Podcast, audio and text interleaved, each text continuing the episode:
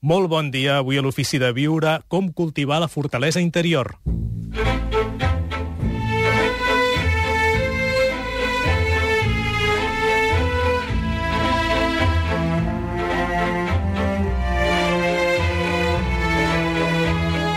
Gaspar Hernández, l'Ofici de Viure.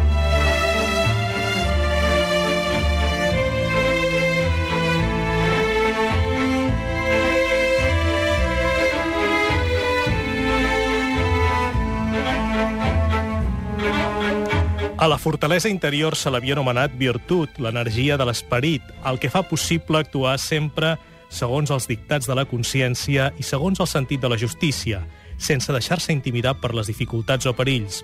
Diu el doctor Masgrau, que ens acompanya avui a l'Ofici de Viure, que deien els antics xinesos que les persones superiors temen la pèrdua de la justícia i les persones inferiors la pèrdua del profit. La justícia de debò crea harmonia i la injustícia és la que genera friccions i antagonismes, la que altera l'ordre de la natura. La fortalesa interior es fonamenta en la lucidesa, la claredat, s'erigeix cap amunt, tendint cap a un ideal. És coratge, valentia, no és temerària, però tampoc mai no es deixa covardir. Pot ser i sol passar que la situació faci aconsellable no actuar, però això no implica claudicar interiorment. El que més tem la persona virtuosa és haver d'actuar en contra de la pròpia consciència. La fortalesa interior es posa de manifest a l'acceptació de la pròpia mort, i és per això que les persones autènticament religioses que creuen que la mort és un pas a una millor vida es desmoralitzen menys en l'adversitat perquè els ideals nobles enforteixen l'esperit. Diu el doctor Masgrau que la fortalesa interior no és pas accés de confiança en les pròpies forces. Per no caure en la temeritat, la fortalesa interior ha d'anar acompanyada de la prudència i de la claredat mental. La fortalesa interior exclou la violència i té com a contrafort la prudència, la temprança, la paciència i la perseverança.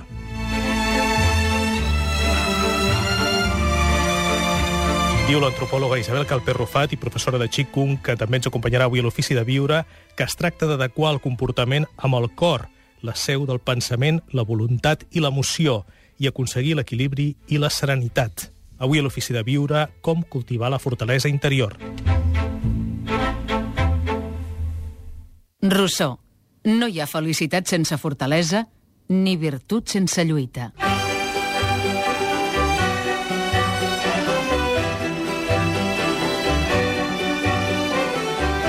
Hola, soy Vicente Merlo. Eh, Soy doctor en filosofía. La fortaleza interior es una de las cualidades más necesarias. La fortaleza en realidad era ya una de las virtudes tradicionales en, la propia tradición cristiana, así como en la mayoría de las tradiciones. Por ejemplo, en el budismo mahayana, vidya es una de las seis perfecciones, de las seis virtudes perfectas paramitas, eh, junto a la generosidad, la correcta moralidad, la paciencia, la concentración y la sabiduría. Todos sabemos que hay que ser fuertes ante las dificultades, que hay que estructurar nuestro ego y nuestra personalidad de manera que la fortaleza se una a la flexibilidad. De hecho, esta fortaleza interior capaz de sobreponerse a las dificultades, esta resistencia y capacidad de superar los traumas, macro o micro traumas, ha pasado a un primer plano en la psicología contemporánea bajo el término resiliencia. Por otra parte, la llamada psicología positiva ha enfatizado la importancia de las fortalezas personales, ofreciéndonos una interesante clasificación de 24 fortalezas, y en eso incluyen fortalezas como la vitalidad, la perseverancia, la valentía y la integridad. Ahora bien, es preciso distinguir entre la fortaleza del ego, construida a lo largo de nuestra trayectoria personal, y la fortaleza interior que no es sino expresión de la fuerza del alma, que generalmente se halla oculto detrás de nuestra personalidad y pugna por expresarse. Dado que el ego sigue siendo un constructo psicológico, su fortaleza siempre es relativa y tiende a estar relacionada con cierta rigidez y dificultad de adaptación a las nuevas situaciones. Por el contrario, esa verdadera fortaleza interior, que pertenece a la naturaleza más profunda de nuestra esencia personal, se caracteriza por su flexibilidad y su capacidad de adaptación a las nuevas situaciones. Esta joya interior de nuestra auténtica identidad está más allá de las fortalezas y las debilidades del ego. Es trascendente e inmanente a un mismo tiempo. está más allá de todo lo que conocemos y más acá de todo lo que ignoramos.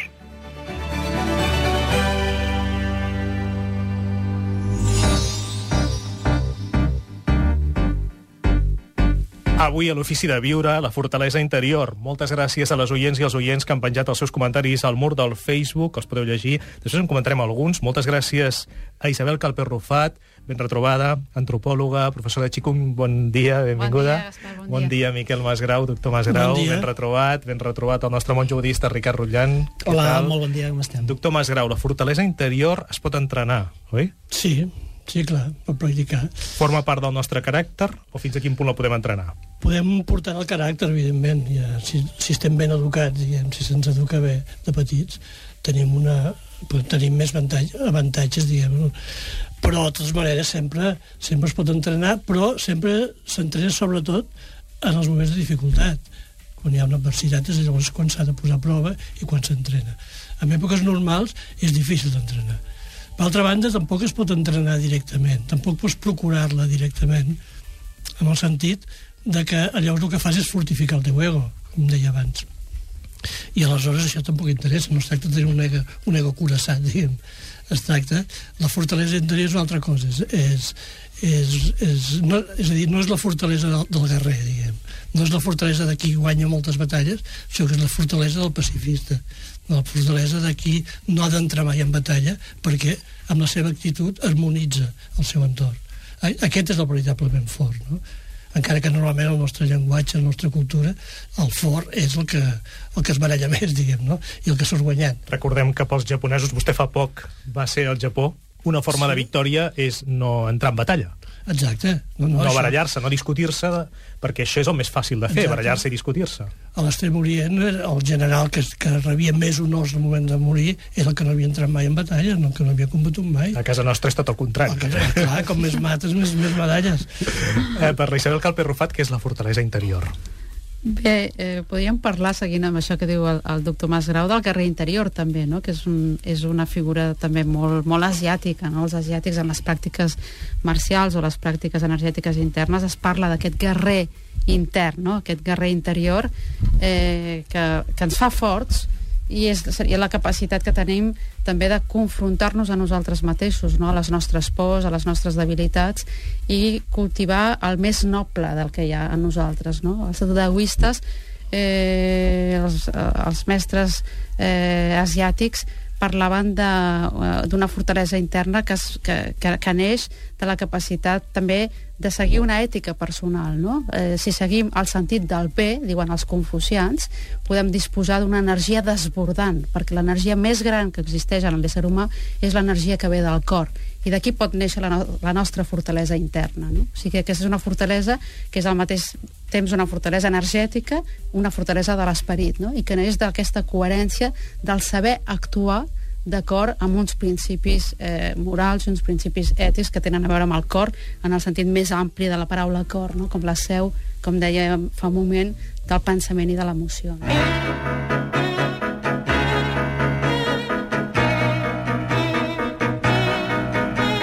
Miquel Masgrau.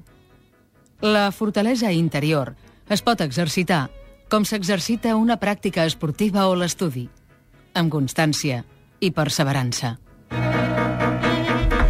L'antropòloga Isabel Calper-Rufat ha estat fa poc a Bolívia, en un indret força poble de l'Altiplà, un poble miner anomenat siglo XX. Va entrar a l'interior de la mina, va viure com viu la gent actualment, en condicions d'higiene força precàries, i ha fet una recerca històrica sobre aquest poble perquè d'allà van sorgir líders revolucionaris que han marcat la història de tot el país.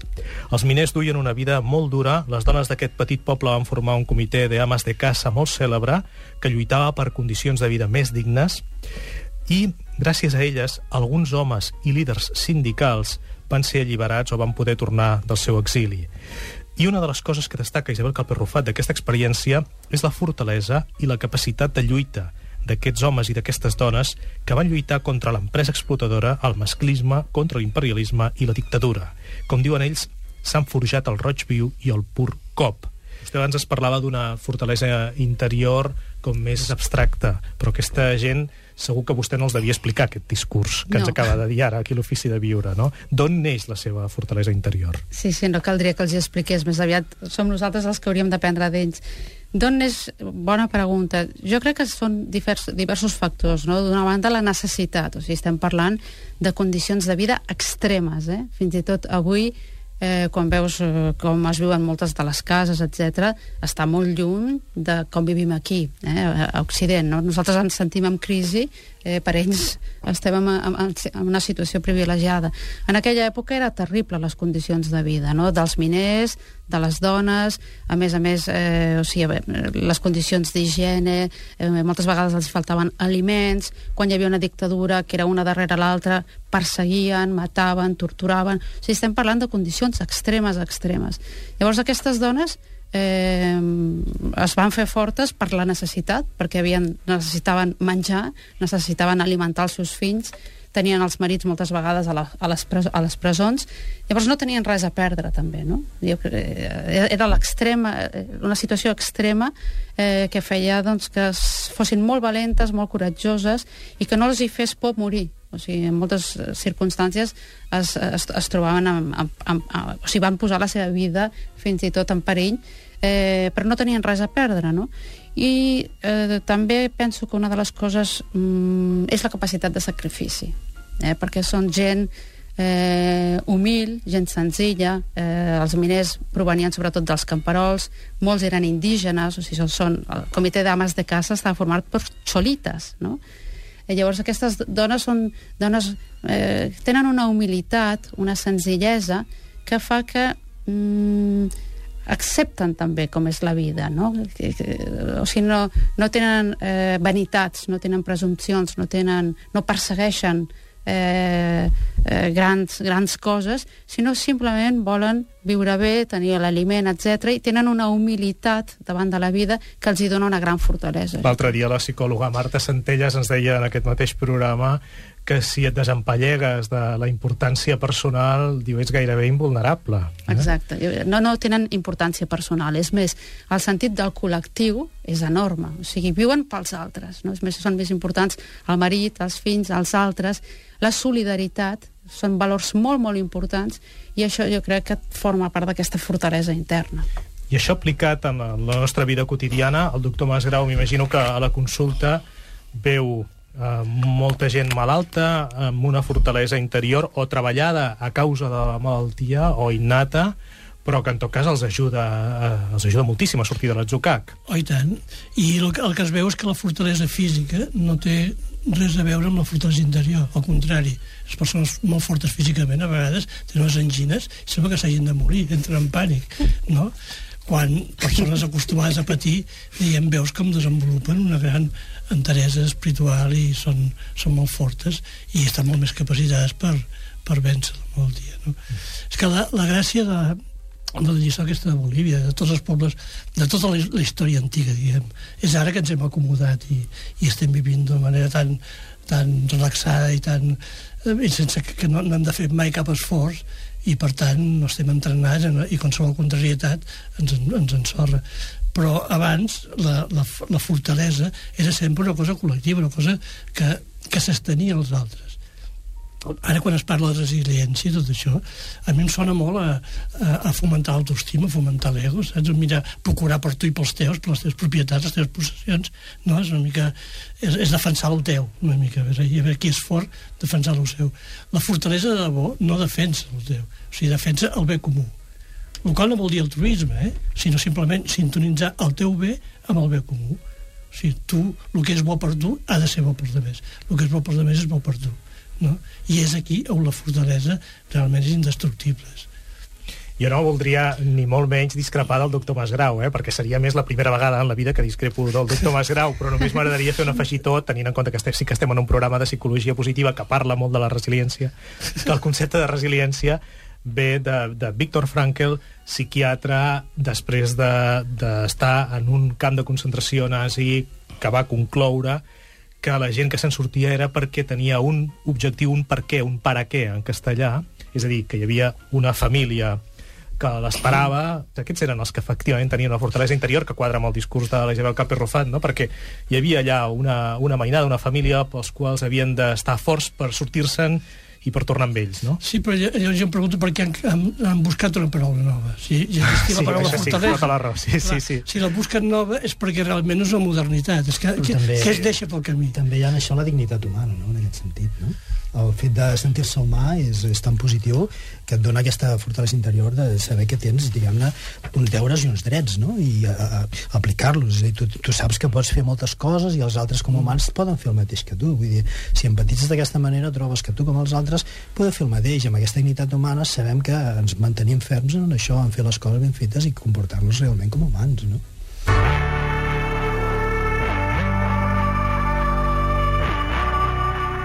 Isabel Calpe Rufat. Quan l'ésser humà actua en concordança amb el seu sentit del bé, disfruta d'una energia desbordant.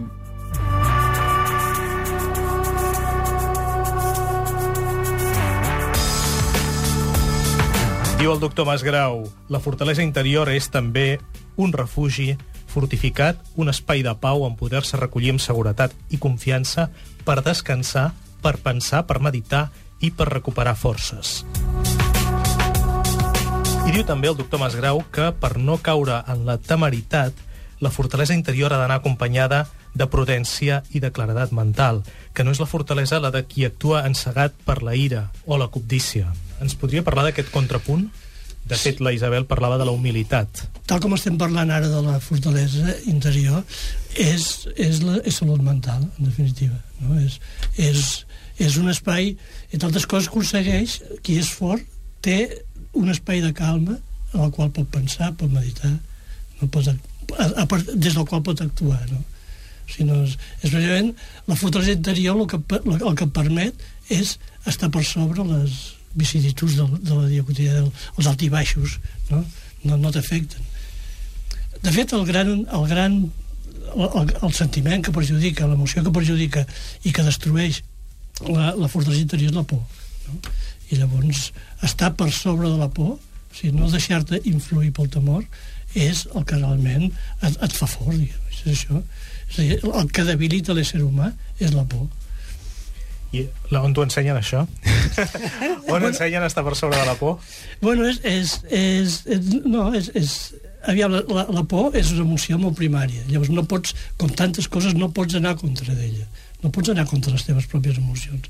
No pots, encara que avui dia sembla que, que la psique sigui una lluita entre els instints i el... No sé, això en altres cultures no es veu així. I jo convidaria tothom que adoptés el punt de vista d'altres cultures, en el qual el, la manera de, de superar la, els instints bàsics, la, les emocions bàsiques aquestes, o sigui, d'alli- d'alliberar-se d'elles, és simplement pujar al centre de la consciència, diguem. O sigui, que la, que la vida psíquica es mogui a un altre nivell, a un, a un nivell més humà, com deia Ricard Romà.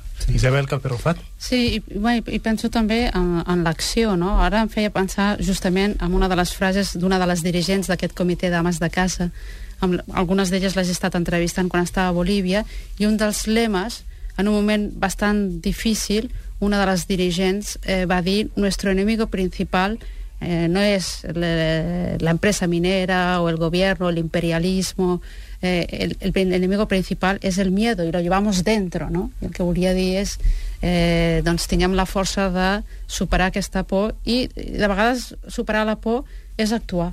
És a dir, què et fa, què et fa por? Fa por això, doncs t'afrontes, no? T'afrontes i actues, no? I llavors és quan superes la por, no? Vull dir, l'acció i en, i en això doncs les, les filosofies asiàtiques o les pràctiques asiàtiques fan molt èmfasi en l'acció no? o sigui, eh, és en, en, en l'actuar eh, que podem construir aquesta fortalesa interna a través de la nostra acció no només eh, d'una manera fi- filosòfica o abstracta no? I és Com a- que la por és imaginària, normalment. La major Clar. part de les pors són pura Per imaginació. això quan et confrontes fantasia. te n'adones que tampoc tenia raó de ser moltes vegades aquesta por, no? La por més gran seria la, I des del Qigong, com a professora de Qigong, com, ho treballen? Ho treballem amb, les, eh, amb, el cos, amb el cos, amb les postures, amb les respiracions eh, i amb la pràctica del Qigong justament a, a través d'aquests exercicis, d'aquestes postures, d'aquests moviments, eh, anem alliberant canals energètics eh, que molt sovint fan eh, justament el que deia el doctor Masgrau, fan eh, arribar a la consciència continguts inconscients que tenen a veure doncs, amb pors, eh, amb, amb obstacles, fins i tot de vegades amb situacions traumàtiques que hem viscut anteriorment de les quals no érem conscients. O sigui, és una espècie de psicoanàlisi a través del cos, en el qual no és la paraula la inductora d'aquests continguts inconscients, sinó que és el propi cos, a través de la pròpia pràctica, el que fa que es vagin despertant continguts inconscients a través de l'obertura del, del pulmó, del diafragma, etc.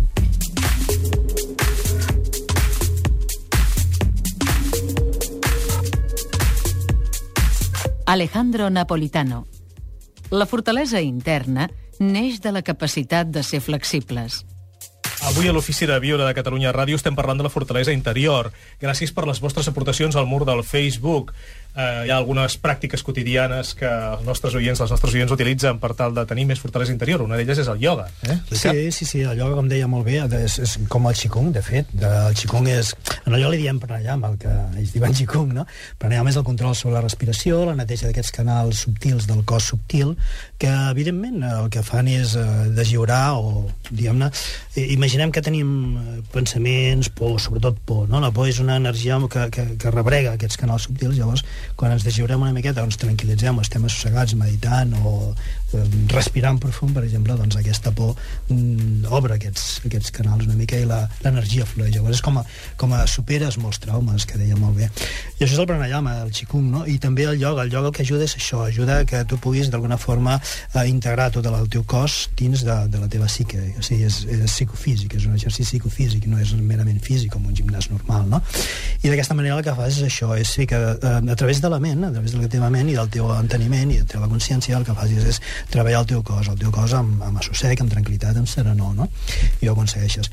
Però també, de, de fet, amb la meditació, eh, la, el que és molt important per tenir fortalesa interior és el que és la saviesa. La saviesa és el, allò que et fa conèixer de tu mateix com ets eh, realment, no com realment t'has estat construint, no? A vegades construïm moltes eh, moltes personalitats, per dir-ho així, no, no m'agrada la paraula, però més o menys és, és això, ens tenim com la, moltes caretes, no? Llavors, quan vas traient caretes i veus realment el que ets, coneixes el que ets, llavors no construeixes res que sigui fals, et, et centres en tu mateix, amb el que ets, i llavors et mantens en aquest, amb aquesta, diguem-ne, fortalesa, sabent el que ets realment, no? Per tant, de moment, eines que hem dit per tal de cultivar la fortalesa interior, plantar cara a la por, humilitat, està per sobre de la por, també seria una altra expressió que, que ha dit el doctor Masgrau, amb un altre nivell de consciència, el treball corporal, psicofísic, en deia Ricard Rullant, a través del ioga, a través del qigong, a través d'alguna altra disciplina. I la saviesa. La saviesa, és que això el... sona molt gran. Clar. Sí, és que és, ho és molt gran. Sí. Vull dir, clar, jo estic parlant d'eines, tocant de peus a terra. No, però, però, és a dir, la saviesa és innata. Innata, la saviesa innata. La, la saviesa, connectar amb aquesta saviesa, saviesa innata. connectar amb aquesta, perquè no és res que ens hagi de venir de fora, ho tenim dins. Llavors és, és això, és serenar-te i sí, arribar-hi. I aquí està, aquí està precisament la gràcia de les paraules, no? perquè les paraules, hi ha, hi ha paraules, hi ha discursos que el que van és a dir a, a, a l'oient que és un ignorant, de que no sap res i que fes-me casa a mi perquè tu no en tens ni idea. és el llenguatge científic, ja, sí, per alguna manera. No? Sí, Això sí, ho sí, diu el doctor Mas Grau.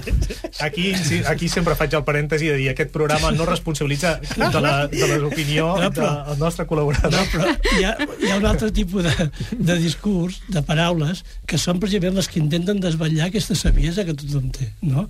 I aquestes són les, les que realment poden ajudar. L'altre també pot ajudar, però pot ajudar com un tècnic tècnic, diguem. No? Clar, Com... I la té, efectivament, tots i cadascun dels nostres Exacte. oients.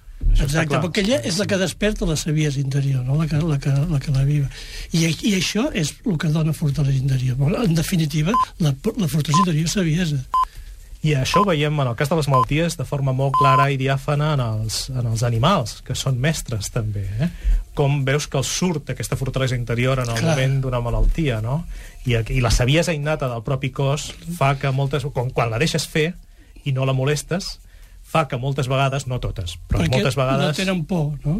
És que la por, de fet, es mou, s'origina, com totes les emocions, al sistema límbic. És la, és la reacció més primària de, del, del cervell, diguem, no?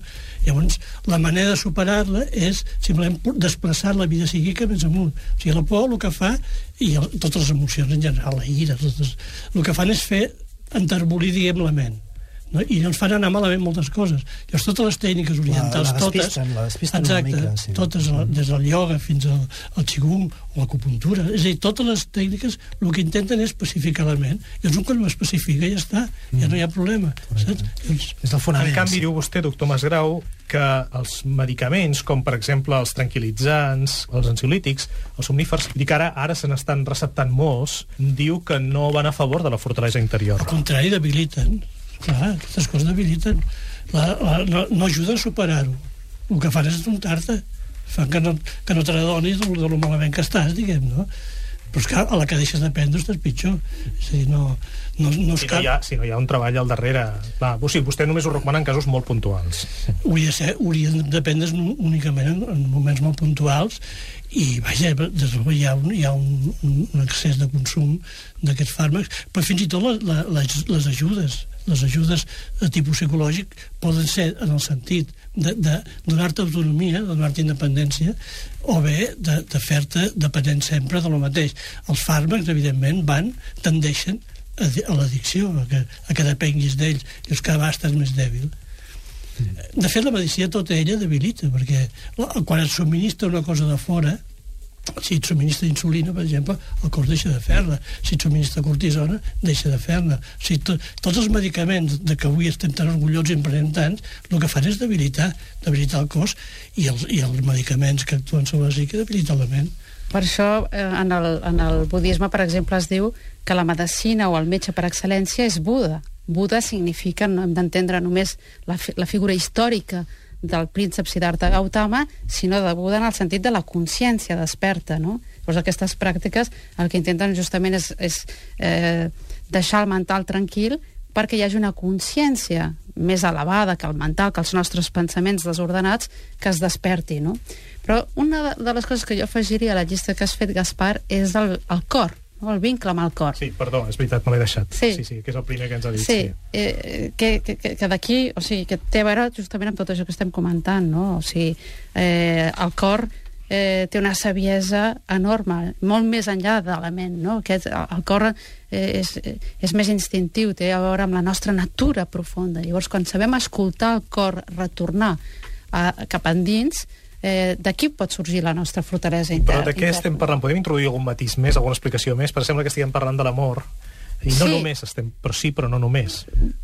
No? Bé, el cor, eh, el cor eh, té a veure, eh, pels xinesos és la seu de, de les emocions i també del, veri- de, de l'esperit, no? de, eh, del, del, del pensament elevat. En tot cas, jo entenc el cor, eh, quan cultivem el cor, eh, significa que cultivem un vincle autèntic amb nosaltres mateixos, amb els altres i amb la vida.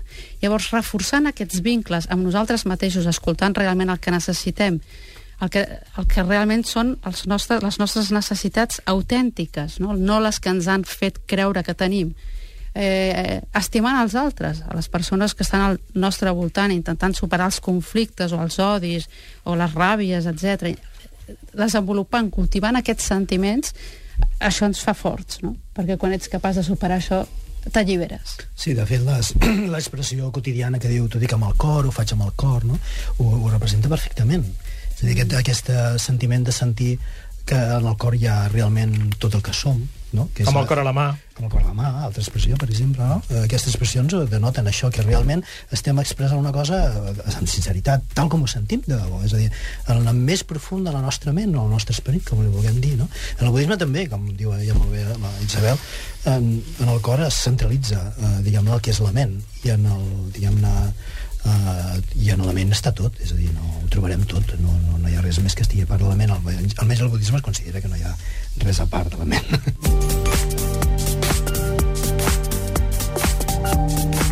Jorge Bucay. Mai trobarem en res ni en ningú la fortalesa que hem de generar dins nostre. El doctor Masgrau diu que la queixa és una gran debilitadora que impedeix l'aprenentatge i que deixa la persona impotent davant el problema. Tal com diu la màxima oriental, és prudent veure el que té de bo, allò que té de bo, allò que no ens agrada, i el que té de dolent, el que ens agrada. Sí, és que la queixa no serveix per res. A part de, de... augmenta el mal, amplifica, i, i a més a més fastidia el que tens al costat no, no, no, no, no s'entén de, de, de què serveix de què, eh, queixar-se no? no. Potser serveix per alliberar les emocions, no? Una mica, no? Ara dic, buscant aquí algun aspecte positiu. a la queixa. Home, a veure, per exemple, aquesta setmana que ens queixem tots de, de com ha sigut suposadament presumptament el finançament d'algun partit polític, mm -hmm. eh, doncs que ens queixem serveix, sí que serveix de coses. Vaja. Bueno, això pot ser amb, amb to de queixa, o pot ser amb to d'indignació, sí. o amb to de dir ja n'hi ha prou, no? Mm. I, i amb, amb to d'acció, diguem que mogui l'acció. No, no té per què ser una queixa, això. Matisos. No? De totes maneres, aquesta, aquesta oscil·lació entre la queixa i l'entusiasme, diguem, això, no, precisament la fortalesa interior és, és el que sobre, eh, et fa estar per sobre d'aquest nivell no? i per això la, la fortalesa interior s'ha de preparar i s'ha d'entrenar de, també en èpoques de bonança és a dir, quan una cosa va molt bé tampoc t'has d'entusiasmar de la mateixa manera que no pots queixar quan, mm. quan va malament. Sí, I si queixes com va malament és perquè t'has entusiasmat quan anava bé. És a dir, no, l'ésser humà de debò està per sobre d'això i ja ho sap. Jo crec que una mica el que ha passat és que hem perdut el, el ritme de la natura. O sigui, estem tan allunyats de la natura que no sabem que tot és cíclic. No? Llavors va malament, ai, tots desesperats. Va bé, I, ui, i, la, I la natura el que ens ensenya, i això també és de filosofia oriental, és que el dia comença a la mitjanit, que res és blanc o negre, i que, per exemple, ara ens pensem que estem ja tocant fons amb la crisi, però probablement no ens n'adonem que ja comencem a sortir-ne probablement, ho dic també per llançar un missatge optimista. Els brots no? verds aquests que dius. No, ja, ja l'han dit, avui no. anunciant no sé qui del gol amb els sacs, així. Que, que ja està... fa vostè escoltant això, Ricard Sí, les notícies les escolto, clar que sí. I ha dit això, que la crisi ja s'havia acabat. Va, no, jo no volia, tampoc no volia... Tan taxatiu, no? No, no, i no, i no, no estic parlant en aquesta direcció de donar corda als que els interessa també ara sí, sí, crear sí, un estat d'ànim i tal, sinó senzillament que quan ens pensem que estem en el moment més fosc diu la saviesa oriental, és quan ja hi comença a sortir la llum. I quan ens pensem que són les 12 del migdia, doncs el dia ja va, comença a davallar. Clar, és tot, o sigui, tot l'infortuni porta la llavor de la fortuna, Clar, de la mateixa manera que la sort porta la llavor de les gràcies. I, sí. Però això no, ja no cal la filosofia oriental, això una cosa que era, era un lloc comú, tothom ho sabia, els sí. pagesos ho sabien plantaven una cosa i et sortiria aquella cosa. Si no plantaven, no et sortiria. Però aquestes coses tan senzilles, o, o allò, els, els mariners, allò després de la tempesta, la calma, sí. però això no ho sabíem, una cosa, no ho oblidat. Una cosa tan senzilla és com saber que al moment que està plovent el sol està darrere els núvols, vull dir, per el sol no ha desaparegut perquè si el núvol estigui plovent, no? Perquè has de queixar perquè plou, no? Sí, sembla que estiguem dient obvietats, sí, i probablement ho són, però no les apliquem a la nostra vida quotidiana, no? Pues I... la fortalesa consisteix en aplicar aquestes coses tan senzilles, sí. aquestes coses tan elementals. Bé, és molt filosòfic, no? Eh, és com... La filosofia de pagès, barata, la bona. Bé, no, però també, la que, la també forma part de la filosofia asiàtica, el conte aquest, aquest conte indi, no?, de, del nen aquest que es va caure, llavors, ai, pobret, ara no eh, s'ha caigut, s'ha fet mal, però després com es va alliberar d'anar a la mili, ai, que bé, bé de la mili, d'anar a l'exèrcit, no? Mm. Llavors, ai, que bé, o sigui... Mm Eh, sí, aquesta, aquesta, deu ser aquesta saviesa, com, com dius, popular, eh, que fa relativitzar les coses i que ve també donar capacitat d'acceptar la vida tal com és amb tots els seus. Clar. La gent d'abans també tenia potser una capacitat de patiment enorme, no? O sigui, Eh, Vols dir però, que, que però, no amb distància, però amb és que abans els problemes eren reals a Bolívia i, i en general i a Pagès els problemes sí. que hi havia eren reals Clar. el problema d'avui, el gran problema és que són problemes imaginaris saps? És que, és que són tot problemes mentals el que realment, Afegim... el que ens fa patir fonamentalment no, perquè problemes reals ja, ja tenim una comoditat, podem anar tot arreu sense fer cap esforç. Bé, hauríem de controlar la ment, sí, no? Sí, controlar sí. la ment i estar més a prop de la natura. Hi ha, hi ha molt, molt patiment per això, per manca de, de, de saber d'alguna forma observar què està passant a la ment i d'alguna forma fer ús d'allò que és bo, d'allò que et mm. farà bé, i allò que no és bo, doncs d'alguna forma foragitar-lo, no? no deixar que, que et posseeixi o que t'aclapari, sinó mm. senzillament pensar que bo i dolent és una cosa relativa, que depèn molt de les circumstàncies, les teves i les exteriors, és a dir, sí. i uh, has de contemplar les, les circumstàncies com això, que animen d'alguna forma uh, benestar o malestar, llavors tranquil·lament mantenir la fortalesa interior perquè sigui el que sigui, que passi el que passi, tu puguis mantenir en aquesta, en aquesta tranquil·litat interior. I recordar que l'adversitat, i ara torno al concepte de resiliència que tant li agrada al doctor Masgrau, que de l'adversitat en surten grans fruits, no? que de vegades eh, la, la, sempre es posa la imatge de la perla, que l'ostre crea la perla gràcies a l'adversitat, és a dir, es protegeix tant dels elements exteriors que es tanca i després, gràcies a aquesta adversitat, crea la perla. No? Que de vegades els grans fruits venen precisament dels moments difícils i de les crisis, no? Sí, clar, bé, aquesta perla també seria doncs, aquesta fortalesa intern, interna, no? aquesta fortalesa que, que no és tan fàcil, no? és tota una vida arribar a tenir aquesta fortalesa. Tampoc hem de voler ara ja ser en un més cap de forts, setmana no? fer un curs de fortalesa interior. No, la vida fet- ja s'ocupa, no?, de que De ens fet, tornem més aquestes forts. febleses, com la pedreta que entra dintre l'ostre, d'alguna forma, aquestes febleses, allò que tenim que no ens agrada, d'alguna forma ens ha d'ajudar a, d'alguna manera, a sortir, sortir endavant, a tirar endavant, i és, és la fortalesa interior que ens fa sortir endavant. Quan trobem, una feblesa, la superem de seguida. Isabel Calperro Fati, després de tornar de Bolívia, què els diria als oients que realment no ho estiguin passant malament ara, perquè sí que no, no, ens, no ens podem aïllar del context de, de crisi econòmica, encara que siguem un programa de psicologia positiva, però oients que ho estiguin passant realment malament, alguna, alguna idea que li hagi quedat gravada que t'ajudi a cultivar aquesta fortalesa interior? Eh, bé, eh, aquesta frase que he dit abans, no? el veritable enemic el, el portem a dins, no? és la nostra por. Llavors, eh, sovint eh, el que ens fa eh, passar-ho malament és la por que tenim encara de perdre més coses o de que no ens sortirem. Aquesta gent que ho està passant malament eh, bé, han d'intentar ser positius, no? veure el que hi ha bo de la situació que tenen ara i eh, ser positius de cara al que vingui després. Però ser positius, intentar, dintre de l'adversitat, veure el que és positiu dintre de la seva situació. Sempre hi ha una part bona, fins i tot de la situació més negativa. I si ens comparem amb altres països, aquests països han viscut eh, en, en, en situacions molt més dures que les que, les que o sigui, seguim vivint en, millor que molts d'aquests països.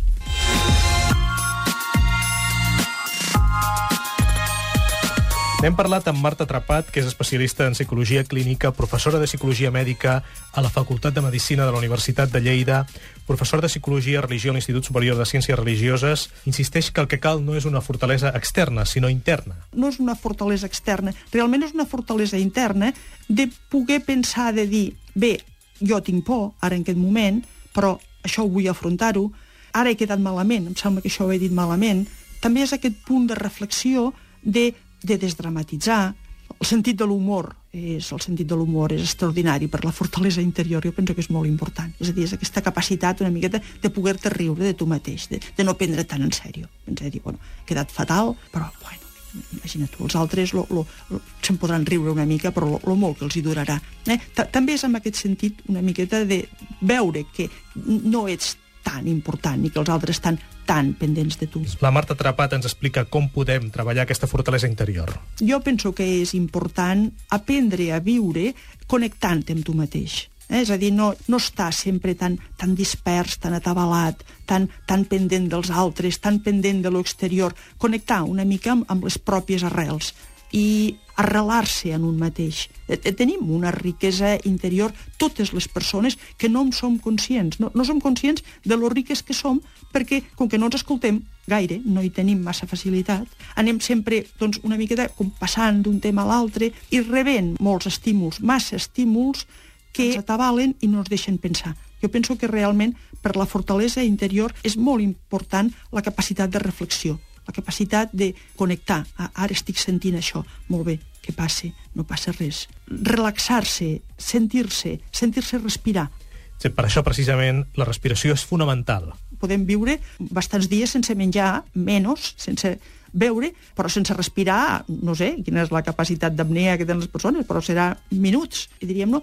I en canvi no hi pensem gens amb la respiració, amb, amb lo important que és l'oxigen que arriba als nostres pulmons i que la sang la porta a tot el cos i que ens dona un contacte amb nosaltres mateixos totalment diferent. I, en canvi, respirem. Jo a vegades veig les persones a la consulta que penso que aquesta persona no és gens conscient del seu cos. És com si quedés parada a nivell del coll, és a dir, com si respiréssim només fins al coll i fos com un cap ambulant. Clar, la respiració et dona aquesta connexió amb tot el cos i també et dona aquesta connexió una miqueta amb, amb tu mateix, amb el teu interior, amb el teu centre i et permet com reflexionar, parar-te, situar veure a on em situo, a, a partir d'aquí què vull fer. La imatge del cap ambulant ens ha fet riure. Eh? Sí, sí ens ha fet riure. Només li cal afegir-li el cos amb la verticalitat, no? amb aquest eix vertical, que és fonamental per aquesta fortalesa interna, no? En el Qigong treballem molt sobre això. És a dir, que a mesura que desfem els nusos, no? a través de la respiració, es va construint una columna interna, una columna energètica, que és la que dona la, aquesta fortalesa davant de les coses. L'acupuntura hi treballa amb aquesta columna energètica? Sí, el serenar la ment i, i, i harmonitzar el cos, això enforteix, enforteix que evidentment enforteix la ment. Doctor Miquel Masgrau, gràcies per haver tornat a l'Ofici de Viure, com cada primer Gràcies dissabte de mes, fins ben aviat. Gràcies a Isabel Calper Rufat. Ben Gràcies. retrobada, moltes gràcies. I d'aquí uns instants, com cada dissabte, Raimon Samsó, Com trobar feina, Jordi Llavina i una petita meditació de Ricard Rullant. Feu podcasting allà on aneu amb l'ofici de viure. Una de les coses que m'emportava Albert Bosch en Expedició a l'Antàrtida. podcasts de- d'aquí de, de Catalunya Ràdio em portava uns quants i de l'ofici de viure em vaig escoltar uns quants, de veritat, eh? Si voleu escoltar qualsevol programa endarrerit o de la temporada passada, podeu anar a catradio.cat. Cliqueu damunt programes a Z i seleccioneu els programes que més us interessin. A l'Ofici de Viure mirarem d'aprendre a dir... A internet teniu ara mateix més de 1.000 programes de l'ofici de viure a la vostra disposició. L'Ofici de Viure amb Gaspar Hernández. Eines pel benestar emocional. I líder d'escoltes per internet amb més de 400.000 descàrregues.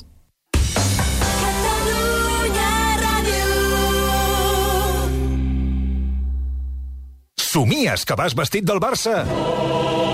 Mundo Deportivo t'ofereix el pijama del Barça. Samarreta i pantalons amb els colors i l'escut del Barça perquè et vesteixis cada nit amb el pijama de l'equip dels teus somnis. Aconsegueix el teu pijama del Barça disponible en quatre talles. Cartilla dissabte 2 i diumenge 3 de febrer a Mundo Deportivo. El 3C et fa créixer. A mi ja em saluden els porters de molts teatres. Cada setmana espero el butlletí del club amb les propostes més interessants i econòmiques. És el que té el 3C. Perquè amb el carnet del Club 3C sortiràs més, estaràs més informat i et sortirà tot més a compte. I amb el Regal Club recuperaràs la quota d'alta. Fes-te'n soci trucant al 902 33 90 33, 902 33 90 33 o a web 3C.cat. 3C, el Club de Cultura, amb el suport de Catalunya Ràdio, TV3 i el Periódico. Avui dissabte al supermercat del Corte Inglés tornen els xecs màgics. Tot el que compris, i com més millor, t'ho tornem. Et tornem l'import de les teves compres superiors a 50 euros en xecs màgics per utilitzar en properes compres també superiors a 50 euros. Només avui dissabte, al supermercat del Corte Inglés. Catalunya Ràdio. La cerimònia d'entrega dels Premis Gaudí a Catalunya Informació. Els nominats són Blancanieves, Fènix 1123, Els nens salvatges, Del Bosc, una pistola en cada mano Les aventures de Tadeu Jones i Lo Impossible. Aquest diumenge, a partir de dos quarts de deu del vespre, seguiment especial dels Premis Gaudí de Cinema, en directe des del Barcelona Teatre Musical. I el Gaudí és per... Les pel·lícules i els premiats amb els comentaris dels especialistes en cinema de Catalunya Informació. La ràdio de referència. Segueix-nos també a través de la nostra app a catradio.cat i al Twitter Cat Informació.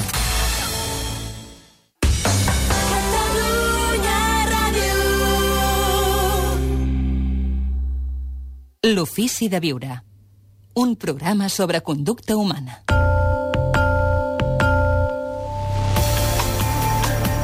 Com tenir feina a l'Ofici de Viure cada dissabte amb Raimon Samsó. Raimon, molt bon dia, benvingut. Bon dia. Raimon Samsó, que acaba de publicar El Codi dels Diners en català. És un llibre que ja es podia trobar en castellà. Suposo que estàs content que aquesta eh, nova criatura surti en català a Angla Editors. Així és, me'l demanaven i ara ja està en català. Bé, doncs avui què podem fer mentre esperem que ens surti feina? Feina, sí, per evitar aquella etapa depressiva, no?, de que no tens feina. Doncs podem fer moltes coses, però la primera i la més important, com qualsevol crisi, és parlar amb els amics, parlar amb la gent que estimem i expressar les nostres emocions. Això ens alliberarà moltíssim, això és el primer que hem de fer. Una altra cosa que podem fer és fer canvis amb el nostre entorn. Com està la teva casa, estàs tu. Si vols canviar com estàs tu, fes canvis a la teva casa, és a dir, moure els mobles. Simplement això. Mm? Però això té alguna cosa a veure amb el Feng Shui? Sí, molt que sí. veure. Sí. Mou el teu entorn i es mouran les emocions de les persones Va, que hi doncs viuen. Aquí, els oients que estiguin interessats poden trobar, poden fer un link amb el Feng Shui. Així és. Més, Bé, fer exercici, això és com ser un atleta. Ens hem d'hidratar bé, hem de fer exercici, hem de menjar equilibradament. Si el cos està bé, l'ànima, la ment està també bé. Una altra cosa que hem de fer és sortir a diari de casa, és a dir, no ens podem quedar a casa, eh? sense excepció. Hem de caminar, hem de sortir, hem de parlar amb gent. Això és molt important, també. Més coses que podem fer, doncs, bueno, ens podem centrar en problemes d'altres. És a dir, centrant-te en els problemes d'altres, eh, t'estalvies d'estar pensant en els teus i fa que relativitzis els teus problemes. Una altra cosa que pot ser quan no tens feina, aquesta és sensacional, és dedicar-te a allò que mai tens temps per fer. És a dir, aprendre una cosa nova, un hobby, un aprenentatge, una activitat. Eh, aprofitar aquest temps per aprendre coses maques. I, sobretot, eh, i al final de cada dia, repassar les coses que agraeixes eh, a la teva vida, no? aquelles coses que sí funcionen bé, aquelles coses que sí tens i gaudeixes. No? I, sobretot, sobretot, estalvia't les notícies. Això, per acabar, no miris les notícies, perquè avui dia les notícies són molt, molt, molt depriments. Sí, clar, costa tenir l'esperit emprenedor, optimista, il·lusionat amb un projecte que pot transformar una part de la societat també, si et deixes endur només per les influències de, tòxiques i negatives de l'entorn. No? Clar, si tu estàs sumant però el context està restant, al final quedes a zero. Per tant, estalvia't aquesta part que resta. Què fer mentre no arriba al nostre treball? Però cal recordar que també hi ha la feina de buscar feina. Exactament. Sí, que hem d'invertir hores... Sí, és una feina. És a dir, buscar feina no és estar parat, sinó estar en, en marxa, en moviment i fer moltes coses i ocupar tot el dia per buscar feina. Com tenir feina cada dissabte a l'Ofici de Viure de Catalunya a Ràdio amb Raimon Samsó de l'Institut d'Experts. Gràcies, Raimon. Molt Gràcies. bon dia. En Jordi Llavina. Molt bon dia, Jordi. Bon dia i I a l'altra banda del fil telefònic, Àngels Campà, que avui no ens pot acompanyar a l'estudi de Catalunya a Ràdio. Àngels, molt bon dia. Molt bon dia, Dels amics Gaspar. de l'Ofici de Viure. Quines activitats esteu preparant? Doncs mira, eh, tenim el dia 14, el dijous, eh, 14 tenim la 18a trobada de meditació, que la fem, com sempre, a l'Escola Arquiris, i aquesta vegada la guiarà el Ricard Om. I el dia 16, res, al cap d'un parell de dies, tenim un sopar musical a Arenys de Mar, i el 23 tenim la cinquantena trobada, i aquesta vegada és el número rodó. Ja farà 50 mesos que estem fent trobades. I aquesta vegada Sembla anirem a mentida. Reus, 50 trobades, eh? És tot un 50 rècord. trobades ja, I a Reus. a Reus. I treballarem kinesiologia. Eh? Per saber com funciona la, la kinesiologia ens acompanyarà el Rubén Álvarez. Eh? I aquest mes tornem a tenir eh, Club de Lectura, que serà el dia 26 de febrer al, al Centre Cívic Pati Llimona, i eh, parlarem sobre el llibre El poder, de Ronda Byrne, i ho amenitzarà i ho gestionarà tota la trobada l'Anna Juanes. I la gent que vulgui venir a la cinquantena trobada, Àngels, què ha de fer? enviar un correu electrònic a info arroba amicsdeloficideviure.org indicant que vol venir i llavors ja li enviarem un correu dient si té plaça o no. Eh, S'han d'afanyar perquè cada vegada queden menys places i pot ser que, que no n'hi hagi prou. Àngels Campà, esperem que vinguis a l'estudi quan puguis per explicar-nos-ho amb més calma. Moltes Sí. gràcies i gràcies també per la tasca dels amics de l'Ofici de Viure, que estan fent una gran feina al llarg del territori, amb moltes trobades. Recordem que és una associació sense afany de lucre. Gràcies, Àngels. Una abraçada. Moltes gràcies. L'Ofici de Viure. Bon dia, fa cinc anys que surto amb una noia i tot i que encara no hem anat a viure junts, però pensem fer-ho, es podria dir que el compromís és ferm. Jo n'estic molt enamorat i he de dir que mai havia trobat algú com ella. Intel·ligent, guapa, tendra, ja en conec jo també d'aquestes, i amb una molt bona disposició envers el Home, meu Jordi, fill de 7 anys. No, a veure, cadascú... Jordi, aquest ja en conec. És, una, és teu, aquest comentari. Sí, sí, això és meu. Això ah, és meu. val, d'acord. quan diu intel·ligent, guapa, tendra, jo dic, ja en conec jo també d'aquesta. I amb una molt I bona també disposició... intel·ligents i guapos. Sí, sí, també, també, també en conec d'aquests. Mira el Ricard Rullant. Um, I amb una molt bona disposició envers el meu fill de 7 anys, fruit d'una relació anterior. Però hi ha una cosa d'ella que no m'agrada gens i fins i tot arriba a irritar-me, i és el seu poc tacte quan, estant jo davant, es relaciona amb els seus amics. És un fet que a mi em fa sentir molt gelós veure que els abraça d'aquella manera, qui parla gairebé en xiu-xiuejos, tot i que jo estic davant. N'hem parlat alguna vegada, potser jo no hauria d'haver tret el tema, no sé com portar-ho. La veritat. Àlex, des de Gramunt. Bé, què li diem, doncs, a l'Àlex, Jordi? En aquest cas, i a causa de la, de, de la poca informació que ens donen al seu correu electrònic, jo d'entrada li diria, Àlex, la feina, la feinada la tens tu. La qüestió de la gelosia fa de molt mal aconsellar. La vivim sempre que estem enamorats, la patim, la patim molt i em temo que no hi valen gaires lliçons ni consells. Surt de dins, és un sentiment entranyable, irracional i que no hi podem fer gaire cosa, no? I no cal gaire cosa per sentir-se gelós. Deia Shakespeare, lleugereses com l'aire són per al gelós fortes confirmacions, com un testimoni de les Sagrades Escriptures. N'heu parlat, et diria, Àlex, intueixo que ella s'ha fet forta o, o tu t'has encongit o t'has mostrat poc tolerant. Tot això, naturalment, no t'afavoreix. Què et recomanaria? És molt difícil. Si aquestes mostres d'ella, malgrat la perfecció de, de la resta per dir-ho a tu et fan mal, doncs ella ho ha de saber i hauria de mirar de no potenciar-les.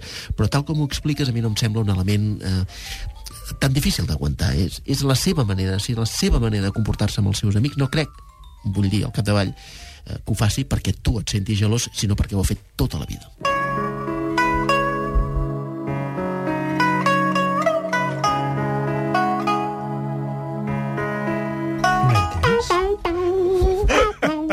En Jordi fent la sintonia, eh? Quina prefereix, en Ricard? A les dues. Les dues. Sí.